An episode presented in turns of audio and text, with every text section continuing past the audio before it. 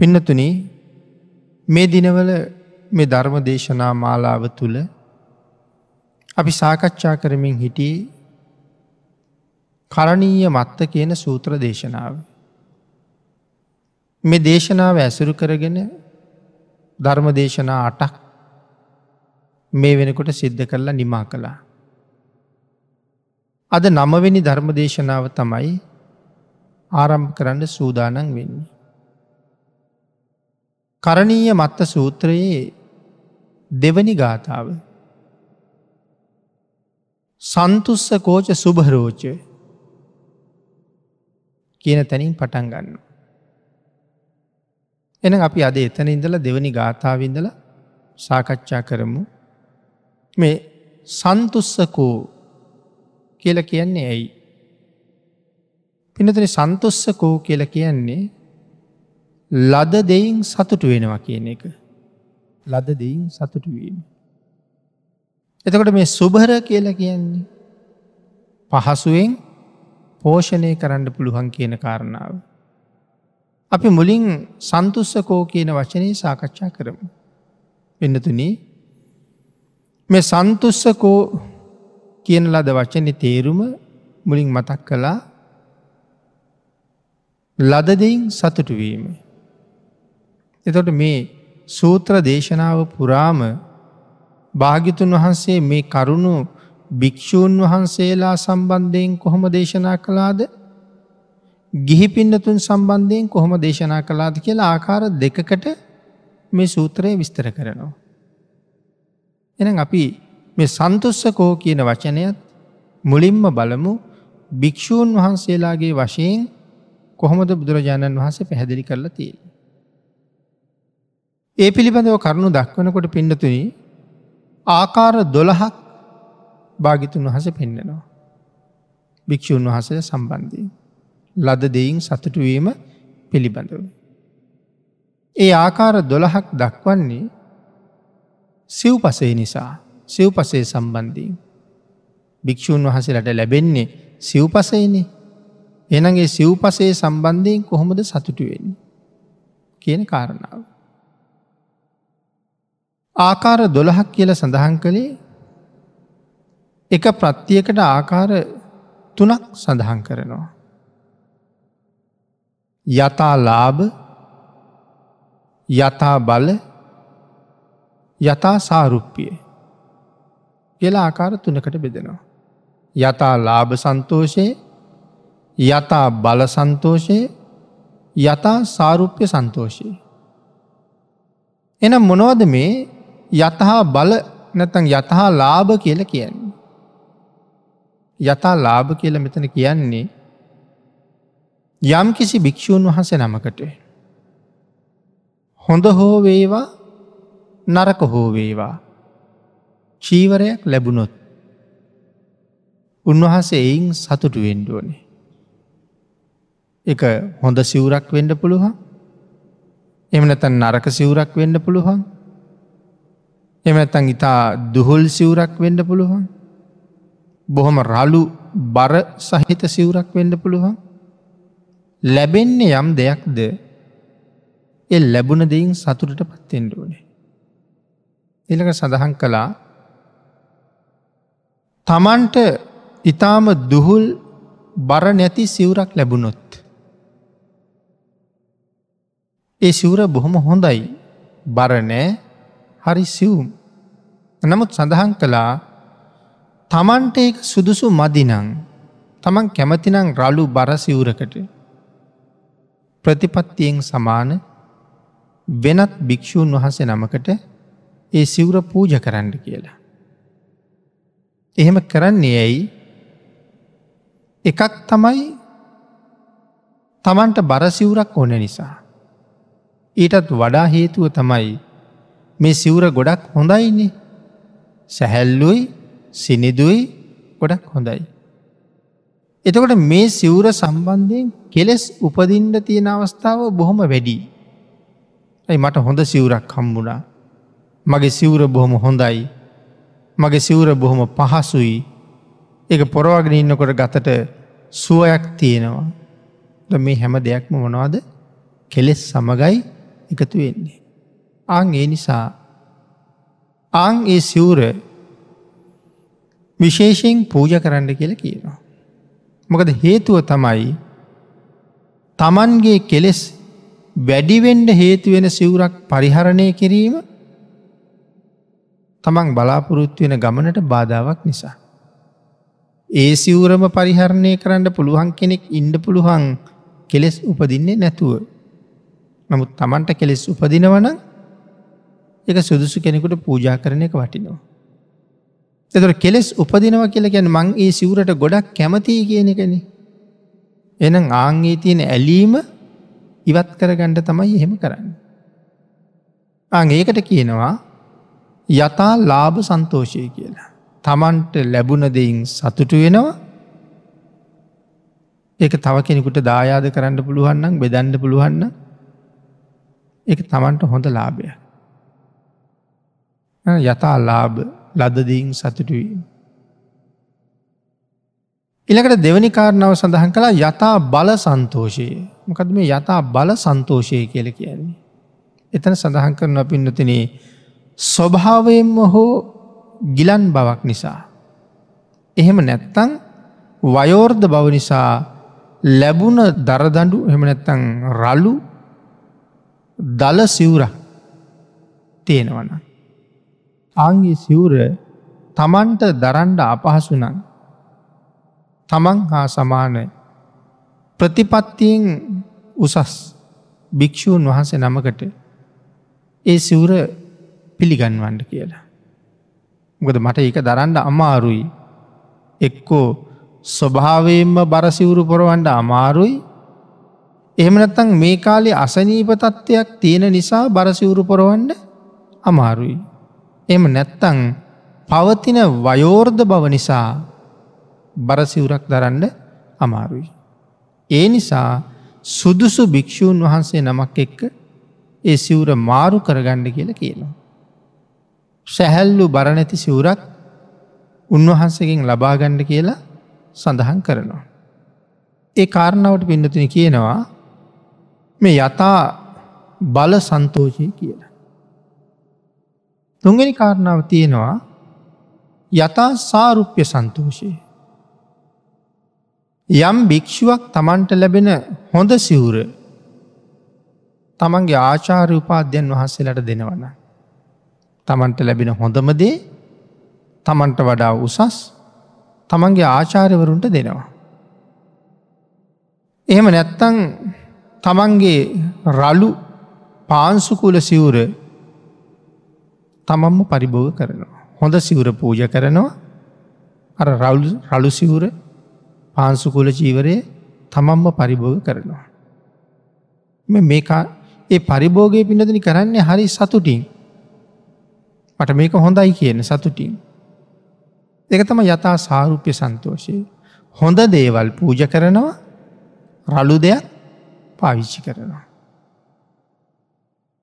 ඉළඟට පිනතින මේ ක්‍රියාව ඉතාම සතුටින් කරන්න පුළුවන් වෙන්න ඕන කියන කාරණාවත් සඳහන් කරන දැන් හොඳ දෙයක් ලැබුණ හම දෙන්ඩ අමාරුයිනි. හොඳ දේ දෙන්න හරි අමාරුයි.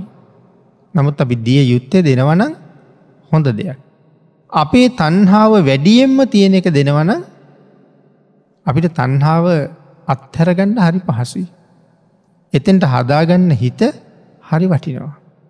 අඒක මෙතන සඳහන් කළේ එක සතුටින්ම කරන්න පුළුවන් වෙන්ඩෝන කියලා. කාටවත් පේන්ඩ කලාට වැඩක් තියෙනවද. ඒ හාමුදුරුව හොඳයි කියලා කියව ගණ්ඩෝන හින්ද දීල වැඩක් තියෙනවද. කාටවත් තමන් හොඳ වුණට වැඩක් නෑනේ. තමන් තමන්ට හොඳ වෙන්ඩෝනේ. අනි කාට නරක් වුණොත් කමක් නෑ. මම මට හොඳනම් එතනයි වටින්නේ. හැබැයි ඒ හොඳ වෙන්ඩෝනේ හොඳම තැනින්. එකන හොඳම කාරණා නිසා තමයි හොඳ වෙන්ඩෝනේ. ඇත මට හොඳ හොන්දන කරන්න කියලා නරක වැඩ කරන්නත් පුළුවන්නේ. එතකොට ඒක කොහොමත් තමන්ට හොඳක් නෙමෙයි. තමන්ට ලාභයකුත් නෙමෙයි. ඒ නිසා තමන්ගේ මෙලවයි පරලොවයි දෙකම සුවපත් කරන කාරණාවක් ගැනයි මේ සඳහන් කරන්නේ. එතකොට දැන් අපි මේ කරුණු ටික සඳහන් කළේ චීවර සම්බන්ධයෙන් සිව්පසේ පළවෙනි එක චීවර යථලාභ යථා බල යථා සාරුප්පිය. එතවට තව තියෙනවා පිණ්ඩපාත සේනාසන ගිලාන ප්‍රත්තිය. මේ කාරණා තුන සම්බන්ධයනුත් මේ විදිහටම දකිින්ද කියල කියනවා. මේ ආකාර තුන යටතේම දකින්න කියල කියනවා. ඒ නිසා සඳහන් කළා පිණ්ඩපාතය ගැන දේශනා කරනකොට තමන්ට ලැබෙන හොඳ ආහාරයක් තියෙන්ට පුළුවන්. ප්‍රනීත ආහාරයක් ලැබෙනවා. තවගෙනකොට බොහොම කටුක වූ පිණ්ඩ පාතයක් ලැබෙනවා. හොඳ දෙයක් ලැබුණත් කටුක දෙයක් ලැබුණත් තමන්ට පරිහරණය කරන්න සුදුසු දේවල් වෙන් කරලා අරගෙන ඒක අනුභව කරනවා. පරිහරණයට නුසුදුසු දෙයක් තිබුණොත් ඒක විතරක් ඉවත් කරනවා. එනම් ලැබෙන හොඳම දේවලඳලා තමන්ගේ ආධ්‍යාත්මික ජීවිතය පෝෂණය කරනවා. එතකට එතන ලැබෙන හොඳම දය කියල කිය හම තමන්ට දවස පවත්වන්ඩ ලැබෙනදී. මොකද භික්‍ෂූන් වහන්සේල දං වලදන්නේ රසතෘෂ්ණාවෙන් නෙමෙයින්නේ. ඒක තමයි ධර්මය සඳහන් කරන කාරණාව. මේ ආහාරය මගේ ශරීර සැපය වර්ධනය කර ගැනීම උදෙසා නෙමෙයි. ශරීර බලය ලබා ගැනීම උදෙසා නෙමෙයි. මදය වර්ධනය කර ගැනීම උදෙසා නෙමෙයි. එනම් මොකටද මේ ආහාරය මේ කය පවත්වා ගැනීම උදෙසා. මොකටද කය පවත්වන්ඩ ඕනේ ගුණ ධර්ම සම්පූර්ණ කරන්න. භික්‍ෂුවකගෙන ශාසනික ජීවිතය පරිපූර්ණ කරගන්න කය පවත්වන්ඩ ඕනේ මේ කය නැතිවුණොත් අපිට වැඩි කරන්න බෑනි. එනිසා කය පවත්වන්ඩ ඕනේ හැබැයි කය පැවැත්වීම උදෙසා ප්‍රනීත ප්‍රනීත භෝජනම හෝ හොයා යනවනං එතන තියනේ සසරින් මිදීම පිළිබඳව ඇල්මක් නෙමෙයි ඇලීමක් තෘෂ්ණාවක් එතන තියෙන. අපේ පිනතු නහල ඇති අර මහදුගියගේ කතාව මහදුගියා දානයක් දෙන්න තීරණය කලාන්නේ නගරයේ ඉන්න සිටුවරයෙක් දෙන දානයක් සිටුවරය අන්තිමට කල්පනා කරනවා ජීවිතයේ කවදාවත්ම දානවේලක් දෙන්න බැරි අහිංසකයොත් මගේ නගර ඉන්නවා. මගේ පින්කමයිදී ඒ අයටත් දානයක් දෙන්න අවස්ථාව හදල දුන්නොත් හරි වටිනවා.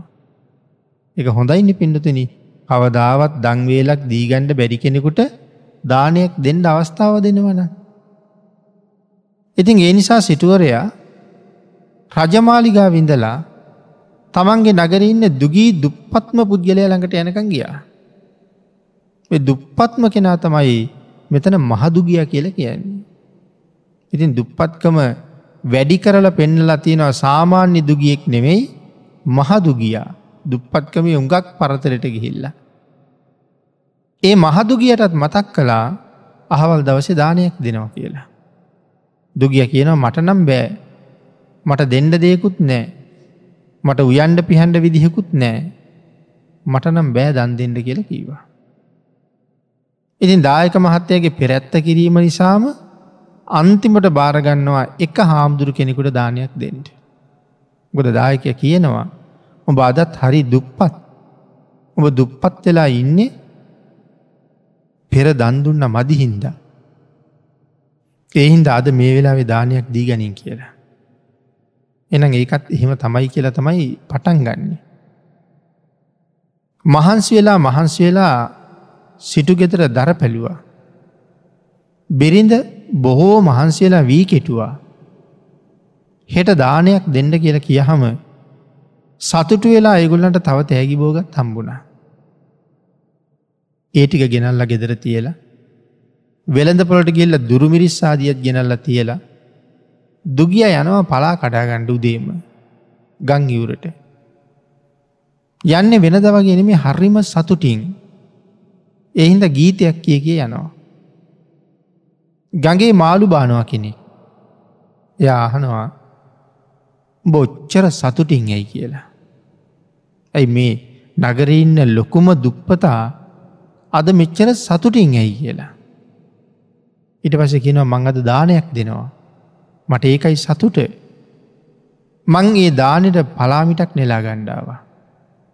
එවෙලාවේ මාළුබානික් කෙන අහනවා රජමැදුරුවලින් සිටුමැදුරුවලින් නිතර නිතර දංවලඳන ඒ භික්‍ෂූන් වහන්සේලාට පලාකොල තම්බල දන් දෙෙන්ට හදන්න කෙ හවා. ඒ වෙලාවි දුගියෙක් නමුත් මහ ප්‍රඥාවන්තයි.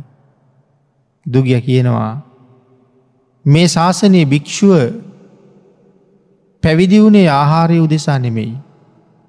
පැවිදි වුණේ සසර කෙරවල කර ගැනීම උදෙසා. උන්වහන්සේට ආහාර අවශ්‍ය කය පවත්වා ගැනීම සඳහා විතරයි. ඒ නිසා මේක රසද නැද්ද කියනෙක උන්වහස හොයන්නේ හොයන්නේ නෑ. මොනව හරි වලඳලා ජීවිතය පවත්වන්ඩ යෝනි. කියන කතාවක් සඳහන් කරනවා. ඉතින් ඒ කතාවම තියෙනවා මේ භික්‍ෂුවගේ දානවේල්ල රලූනත් ප්‍රනීත වනත් ප්‍රනීත දේට යම්සේ සතුට වනාද රළු දේටත් එසේම එසේම සතුටු එන්ඩෝනේ. ඇති මහදුගියටත් ඉටවසේ මාළු ඇලක් හම්බෙනවා.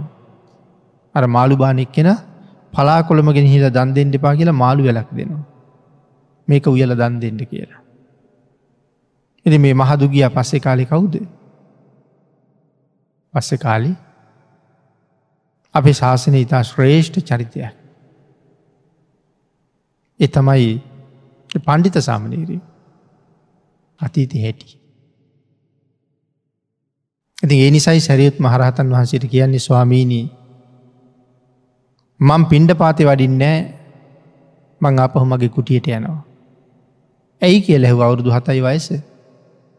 ස්වාමිනී ශ්‍රමණ ධර්මය සම්පූර්ණ කරනවා මඟද පින්ඩ පාතියෙන්නේ. හොඳයි කීවට පස්සෙ කියනවා ස්වාමීණී එතවට මට දවල්ට දානි ටිකක් ගේනවද කෙලෙහුවා. ගේන්නං සාමනේරේ. එවෙලාවි කියනවා ස්වාමීණී හැබැයි මට රේමස් සහිත ඇල්හාල් බතක් දානිට ඕන කියලා. සාරිපුත්තයන් වහස කියනවා සාමනේර මට ලැබුණොත් ගේන්නම් ඩි ලැබෙයිද දන්න එහෙම බතක්.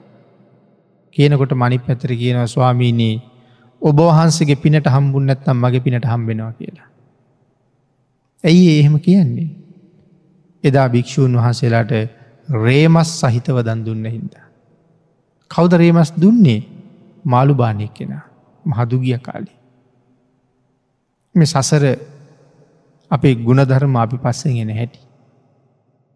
එමන මම මේ කතාව මතක් කළේ එදා අර දුගියත් කියනවා මේ භික්‍ෂුව ඉන්නේ හම්බෙන පිණ්ඩපාතය රසද නැද්ද කියන එක හොයන්ට නෙමේ. උන්වහන්සේට ඒක ප්‍රනීත වනත් එකයි රලූනත් එකයි. ඕනේ අද දවසේ කායික පැවැත්මට යමක්. ආංගේ කාරණාවත් මනාව තහවුරු වෙනවා මෙතන සඳහන් කරනවා තමන්ට ලැබෙන පිණ්ඩ පාතය ගැන පැහැදිලි කරනකොට නරක හෝ ප්‍රනීත පිණ්ඩ පාතයක් ලැබුණත් ඒකින් සතුටු එන්ඩෝන කියලා. තමන්ට වැලඳීමට සුදුසු නුසුදුසු දේවල් අනුව සුදුසු දේ විතරක් වලඳමින් නුසුදිසු දේ බැහැර කරනවා.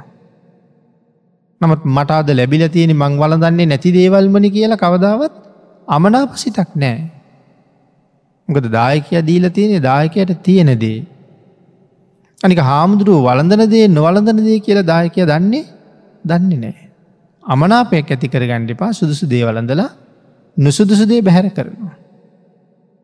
පිනතුනේ රසවත් වූ ප්‍රනීත වූ වටිනා පිණ්ඩ පාතියක් ලැබුණහම ඒ පිණ්ඩ පාතය කාටද සුදුසු පූජා කරන්න කියලා හොයල බලලා තමන්ගේ දානිටික සුදුස්සෙකුට පූජ කරනවා.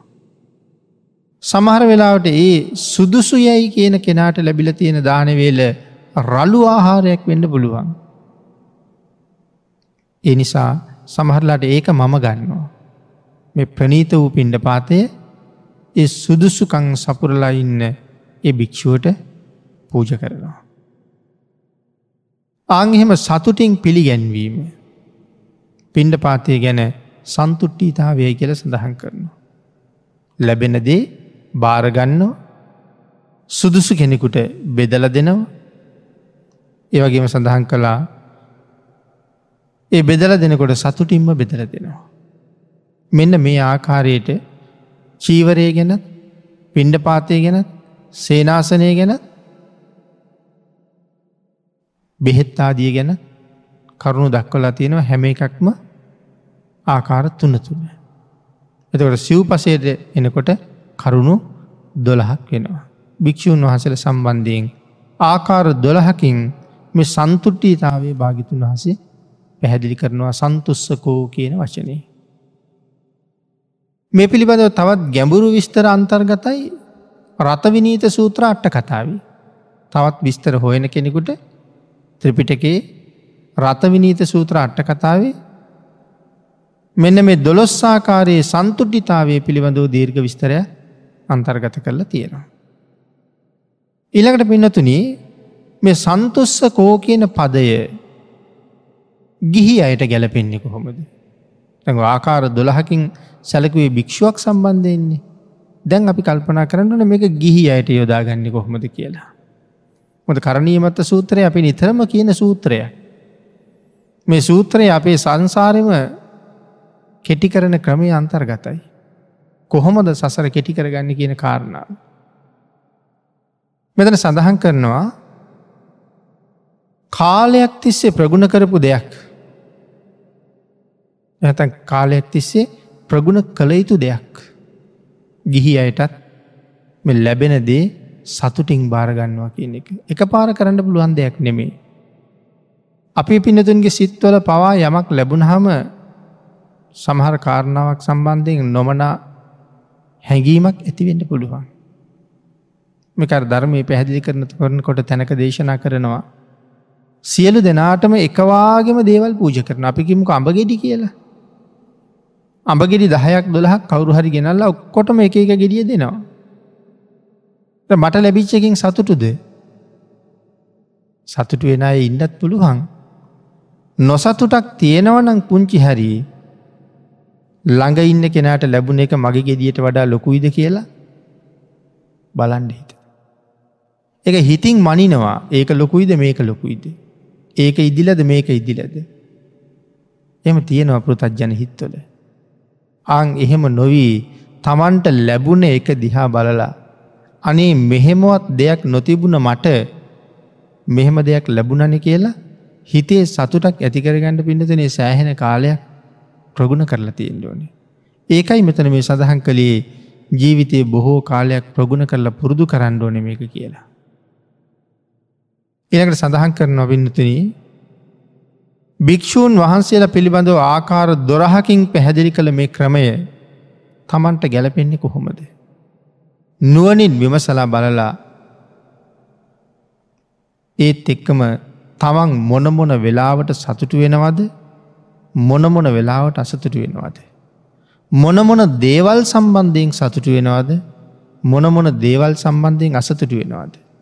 කියලා හිතලා හිතන්ඩ කියනවා මේ කාරණාව සම්බන්ධයෙන් මට නොසතුටක් ඇතිවුණේ ඇයි. බණු හරි ලස්සන ප්‍රශ්නයක් තමන්ගේ මහන්ඩ කියනවා. මට මේ ලැබුණ එක ගැන ඇයි මගේ හිතේ සතුටක් නැත්තේ. ඇයි සතුටක් නැත්තේ වෙනම තියෙන ක්ලේසයක් නිසා. ආං එහෙම අහලා හේතුව හොයන්ඩ කිවා. ඇයි සතුටු නැත්ති. ඒ සතුටු නැතිවෙන හේතුව හොයලා ඒ හේතුවට පහර දෙන්න කියල කිවා. විනාස කරලා දාණ්ඩි කෙලෙකිව ඒ හේතුව. එම ඇත්තන් තමන්ගේ ජිත්ත සන්තානය තුළින් පන්නලා දාණ්ඩ කියල කියනවා. ඊට පස්සේ ලැබුණ දේ පිළිබඳව සතුට තියෙනවා. ඒ සතුට නැතිකරපු කාරණාව පැන්නුවනෙද.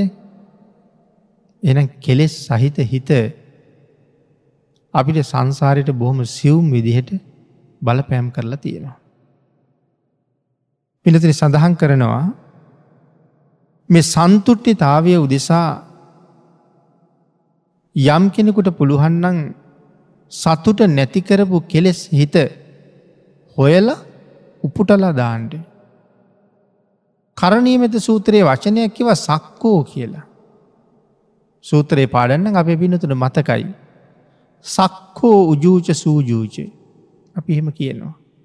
ඇයි මේ සක්කෝ කියලකින් අපි මුල් දේශනාවල නම් සක්කෝ කියන එක පැහැදිලි කළා. සක්කෝ කියල කෙනෙ දක්සයි කියන එකට. මොකටද දක්ෂ මට ලැබුණ දේ සම්බන්ධයෙන් මගේ හිතේ ඇතිවුණ නොසතුට අවබෝධ කරගෙන ඒ නොසතුට ඇතිවෙන්න හේතුව මොකක්ද හේතුව හොයලා ඒ හේතුවට පහරදීලා ඒ හේතුව විනාශ කරලා දාන්න ඔහු දක්සයි. ආං එයාටයි දක්සයි කියලකිවේ. ඒ හේතුව විනාශ කරන්න දක්ෂයි. කියන කාරණාව පින්නතින මෙතන විශේෂයෙන් පැහැදිලි කරනතර සක්කෝ කියල කියන්නේ දක්ෂතාවය. කෙලෙස් වලින් ඈත්තෙන්ට තියෙන දක්ෂතාවයට සක්කෝ කියල කියනවා. ලදදයින් සතුටුවෙන්ට බැරි අය සතුටු නොවීමට තියෙන තන්හාාව මනාව හොයන්ඩ ප්‍රඥාවක් තියෙන් ඕනේ. ඇයිමං සතුටු නැත්ත කියන එකත් හොයන් දෙපේ. ඒක හොයන්ඩත් වෙනම හිතන් ඕනෙන. ඒම හිතෙන්ඩත් ප්‍රඥාවක් තියෙන් ඕනෑ බොහෝ දෙනාට ඇතිවෙන්නේ ඒක හිතන සිතවිල්ල නෙමෙයි දවේශ සිතක් තමයි ඇතිවෙන්නේ. බලන්ට ඉඩ කඩම් බෙදැන්ට ගියහම්. අහවල් කෙනාට හොඳ ඉඩම හම්බුණ. මට හම්බුනේ කෙරවලේ කෑල්ලක් මට හම්බුනේ නිසරු කෑල්ලක් මට ලැබුණ කොටසට වතුරගෙනියන්ට අමාරුයි. මේ මේ ආදි වශයෙන් නොයෙක් කරුණු ඉදිරිපත් කරනවා මිසක්. මව්පියෝ දහදුක් විඳලා හම්බ කරපු දේ අපිට මෙහෙම හරි බෙදල දුන්නනි කියලා සතුටුවෙන කෙනෙක් සතුටුවෙන කෙනෙක් නෑනේ. එතකොට ක්ලේසයක් නැහැම වෙලාම තියෙන්නේ. ඇයි සතුටු නැත්ති කියන තැන හොයලා එක තුරන් කරන්න කියල තමයි මෙතන විශේෂයෙන් සඳහන් කරන්නේ. ඉළඟට සඳහන් කරනවා තමන්ට අසතුටක් ඇතිවෙන හැම මොහොතකම හොයලා බලන්ඩ පුළුවන් වෙන්ඩත් ඕනෑ ඇයි මම අසතුටු කියලා. එදිනෙදා ජීවිතයේ කොයි තරන්නම් පින්නතින අපට නොසතුට ඇතිවෙන වෙලාවල් තියෙනවද. සතුටු වෙනවට වඩා අසතුටම තමයි අපිට තියෙන්නේ. සිහියෙන් ප්‍රඥාවෙන් මේ නොමනාපය මොකක් නිසාද මේ නොමනාපය මොකක් නිසාද කියන කාරණාව හොය හොය ඒ කාරණාව අයින් කරල දාන්න කෙල කියනවා. එතකොට ජීවිතයේ හැමදාම හැමදාම සතුටින්ම ගෙවෙනවා. පිනතුන මෙතන සඳහන් කරනවා මනාව අවබෝධ කරගත යුතු කාරණාව තමයි කියලා තමන්ගේ හිත දියුණු වෙනවා කියලා කියන්නේ තමන්ගේ අවට පරිසරයේ දියුණු වෙනවා කියන එක නෙමෙයි. තමන් ළඟ ඉන්න අය වෙනස් වෙනවා කියන එකත් නෙමෙයි. ළඟ ඉන්න අය තමන්ට හොඳට සලකනවා කියන එකත් නෙමෙයි. හිත දියුණු වෙනවා කියල කියන්නේ.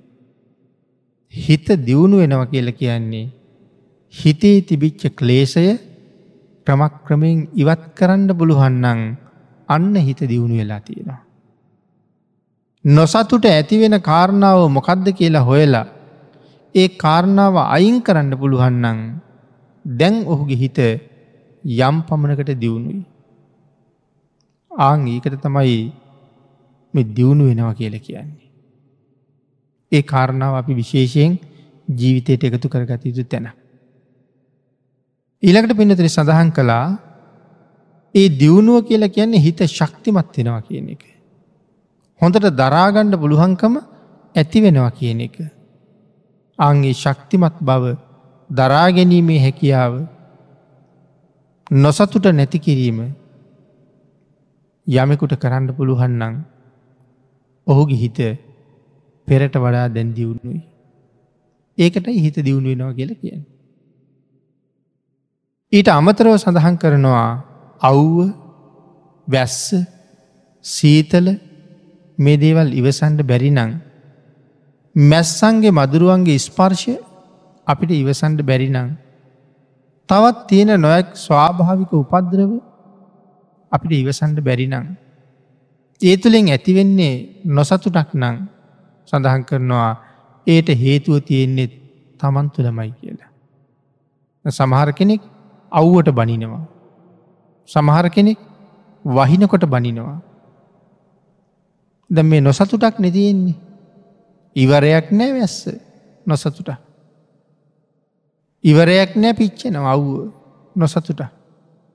ඇයි ඒ නොසතුට ඇතිවුණේ මොන කෙලෙස් හිත නිසාද කියන කාරණාව විශේෂයෙන් හොයනවා මොකද තමන් තුළම තමයි නොසතුට ඇති වෙලා තියෙන වෙන එලිය ගිහිල්ල හොයන්ට දෙයක් තියෙනවද තමන් තුළින්මයි හොයන්ඩුවනේ.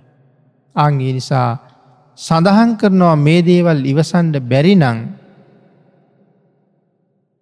ඒ ක්ලේෂය මනාව හොයාගණ්ඩ බැරිනං ඒ පුද්ගලයට දියුණුවක් නෑ.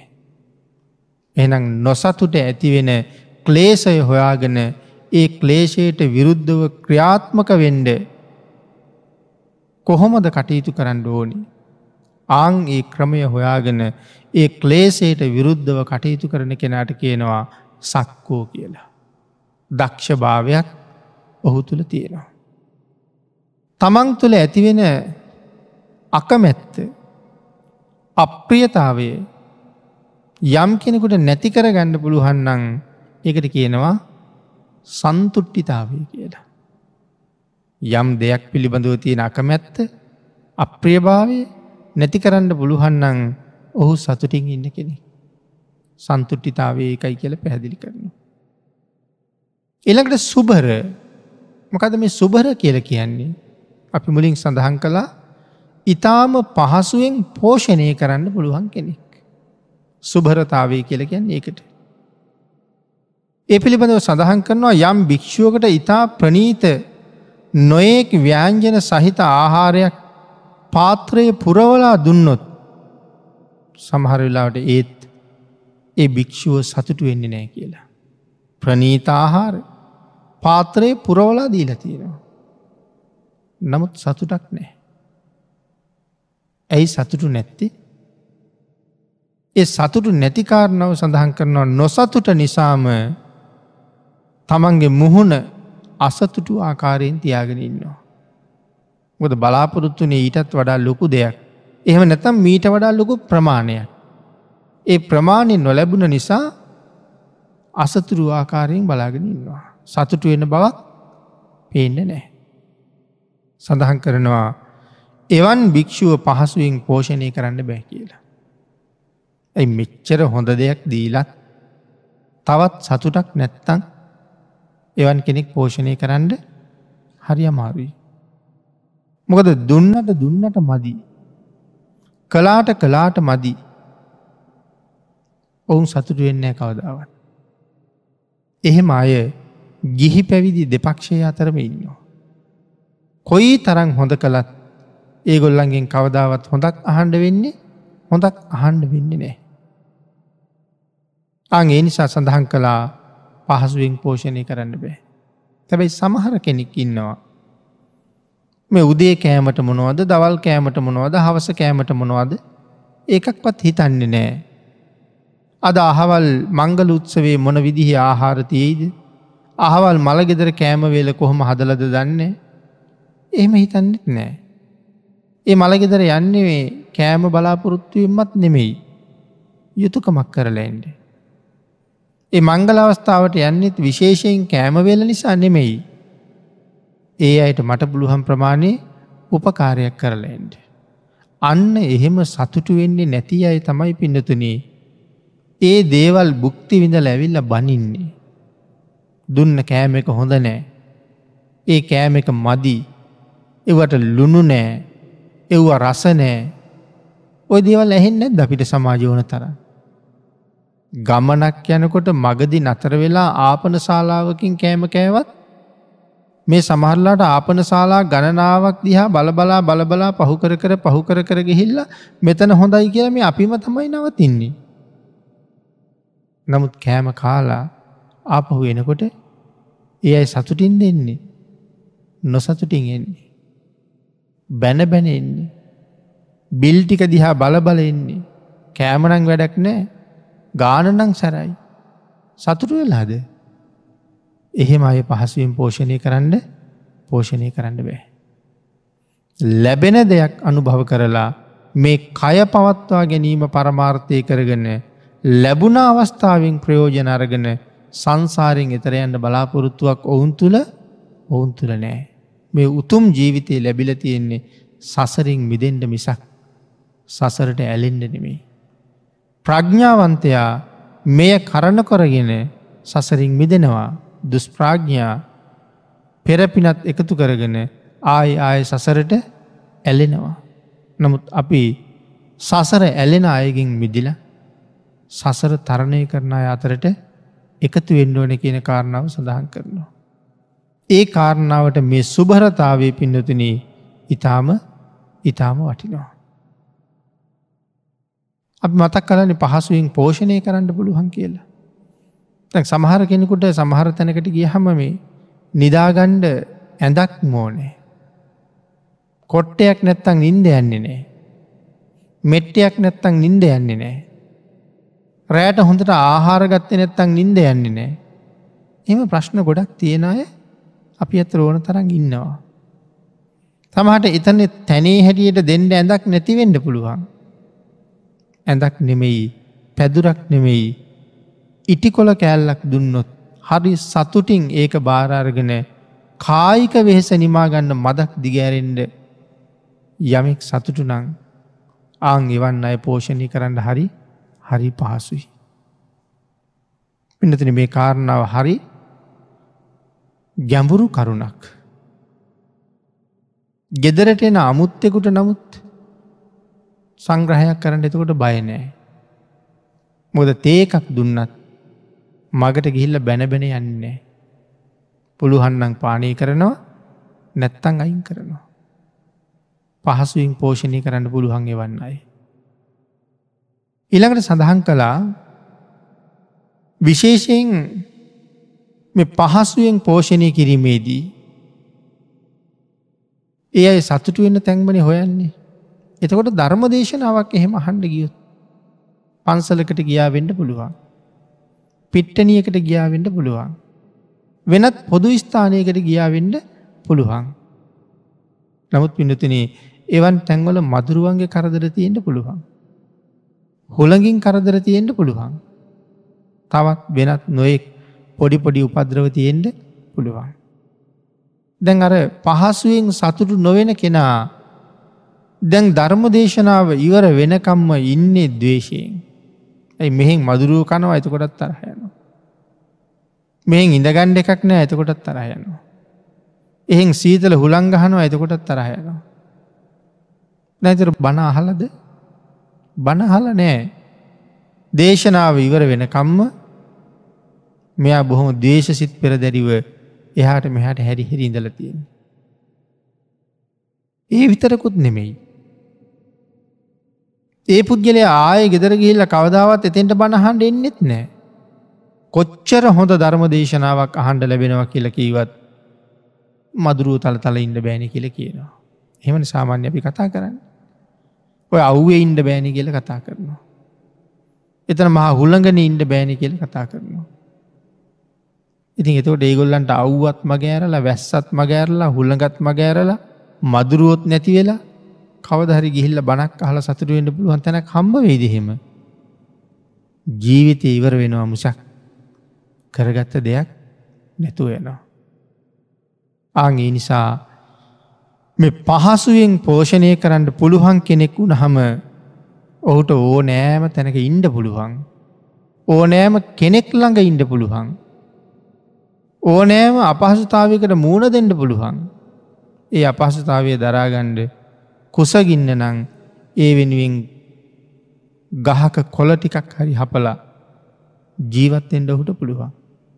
එහෙම නැති කෙනෙකුට ඒක බොහොම අමාරුයි. එනම් පහසුවෙන් පෝෂණය කරන්න පුළුවන් කියන කාරණාව එහෙම කෙනෙක් විය යුතුයි කියන කාරණාව ඉතාම වටිනවා. පිනති එහෙන අපි ආපහු මුලඉඳල ආවර්ජනය කළොත් මේ සන්තුස්සකෝ සහ සුභරෝච කියන වචනයේ. සන්තුස්ස කෝච කෙල කීවී ලදදයින් සතුටුවීම. භික්ෂුවක් සම්බන්ධයෙන් ආකාර දොළහක් තියනෝ කියල සඳහන් කලා සිව්පසේ ගැන ගිහි කෙනෙක් සම්බන්ධයනුත් එහෙමයි තමන්ට ලැබෙන දෙයක් වෙත්නගේකින් තමන් සතුටු වෙන්ඩෝනේ.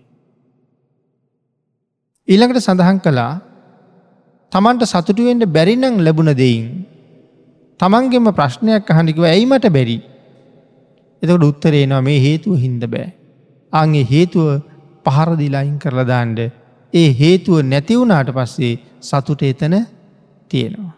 සුභර කියල කිව්වා පහසුවෙන් පෝෂණය කරන්න පුළුවන් ඔහුට මොනව ලැබුණත් ඔහු ඒ අනුභව කරලා ජීවත්වෙන්ට කැමති. නිදාගණ්ඩ ලැබෙන්නේ කොතනද ඔහ එතන නිදාගණ්ඩ කැමති අමුතු සුව පහසුකං හොයන්නේ නෑ. ආං එහෙම ජීවිතයක් ගොඩනගා ගත්ත කෙනෙක්. විශේෂයෙන් මේ සංසාරි කෙරවල හොයන්ඩත් බොහොම ඉක්මට ඉස්සරහට ඇදෙන කෙනෙක්. අංගි නිසා පහසුවෙන් පෝෂණය කරන්න පුළුවන් කෙනෙක් වුණ හම ඔහුට ඕනෑම නිවසක ඕ නෑම තැනක ඕ නෑම ප්‍රදේශයක පහසුවෙන්ම ජීවත්තෙන්ට පුළුවන් කියන කාරණාව පැහැදිලි කරනවා. ධර්ම දේශනාවට තියෙන කාලයේ නිමා වෙලා තියෙන නිසා. කරණය මත සූත්‍රයේ දෙවනි ගාථාව පළවෙනි පද දෙක තමයි අපි මේ දේශනාව තුළින් සාකච්ඡා කරන්න යෙදනි. එතවට අපි පිණිතුන්ට තේරෙනව ඇති කරණීය මත සූත්‍රයේ කොයි තරන් දීර්ග විස්තරය මොන මොන පැත්තට විස්තර කරන්න පුළුහන් කරුණුවලින් සමන්විත වචන ටිකක්ද මේ සූත්‍රය ඇතුළි තියෙන්නේ කියලා. අති දීර්ඝ දේශනාවක් ගාථා දහයකට සම්පින්ඩනය කරලයි තියෙන්නේ. අති දීර්ඝ දේශනාවක්. මේ සූත්‍ර දේශනාව ආහන කෙනෙක්. ඒ දීර්ගව තියෙන විස්තරය මනාව දැනගත්තුත් තමයි ලොකු ප්‍රයෝජනයක් ලැබෙන්නේ. භාගිතුන් වහන්සේ මේ සූත්‍රයේ දේශනා කළේ භික්‍ෂූන් වහන්සේලා තිස් නමකගේ ආරහත්වය වෙනුවෙන්. මේ සූත්‍රය භාවිතා කරලා එත් තිස් නමම රහත් වනා. නවත් ජීවිතයේ කොච්චර කාලෙක ඉඳල කරණීයමත සූත්‍රය අපි දැන් කියනවා ඇද්ද. නමුත් අපිට වෙච්ච කිසි වෙනසක් කිසි වෙනසක් නැත්තයයි. මේ මේ විදිහට ඒ වචන එක සම්පින්ඩනය කරලා තින අර්ථය පිළිබඳව අවබෝධයක් නැති නිසා. ඒ අවබෝධය ලබන්ඩ මෙ උතුම් සූත්‍ර දේශනාව නිතර නිතර පරිහරණය කරන්න අවශ්‍යයි.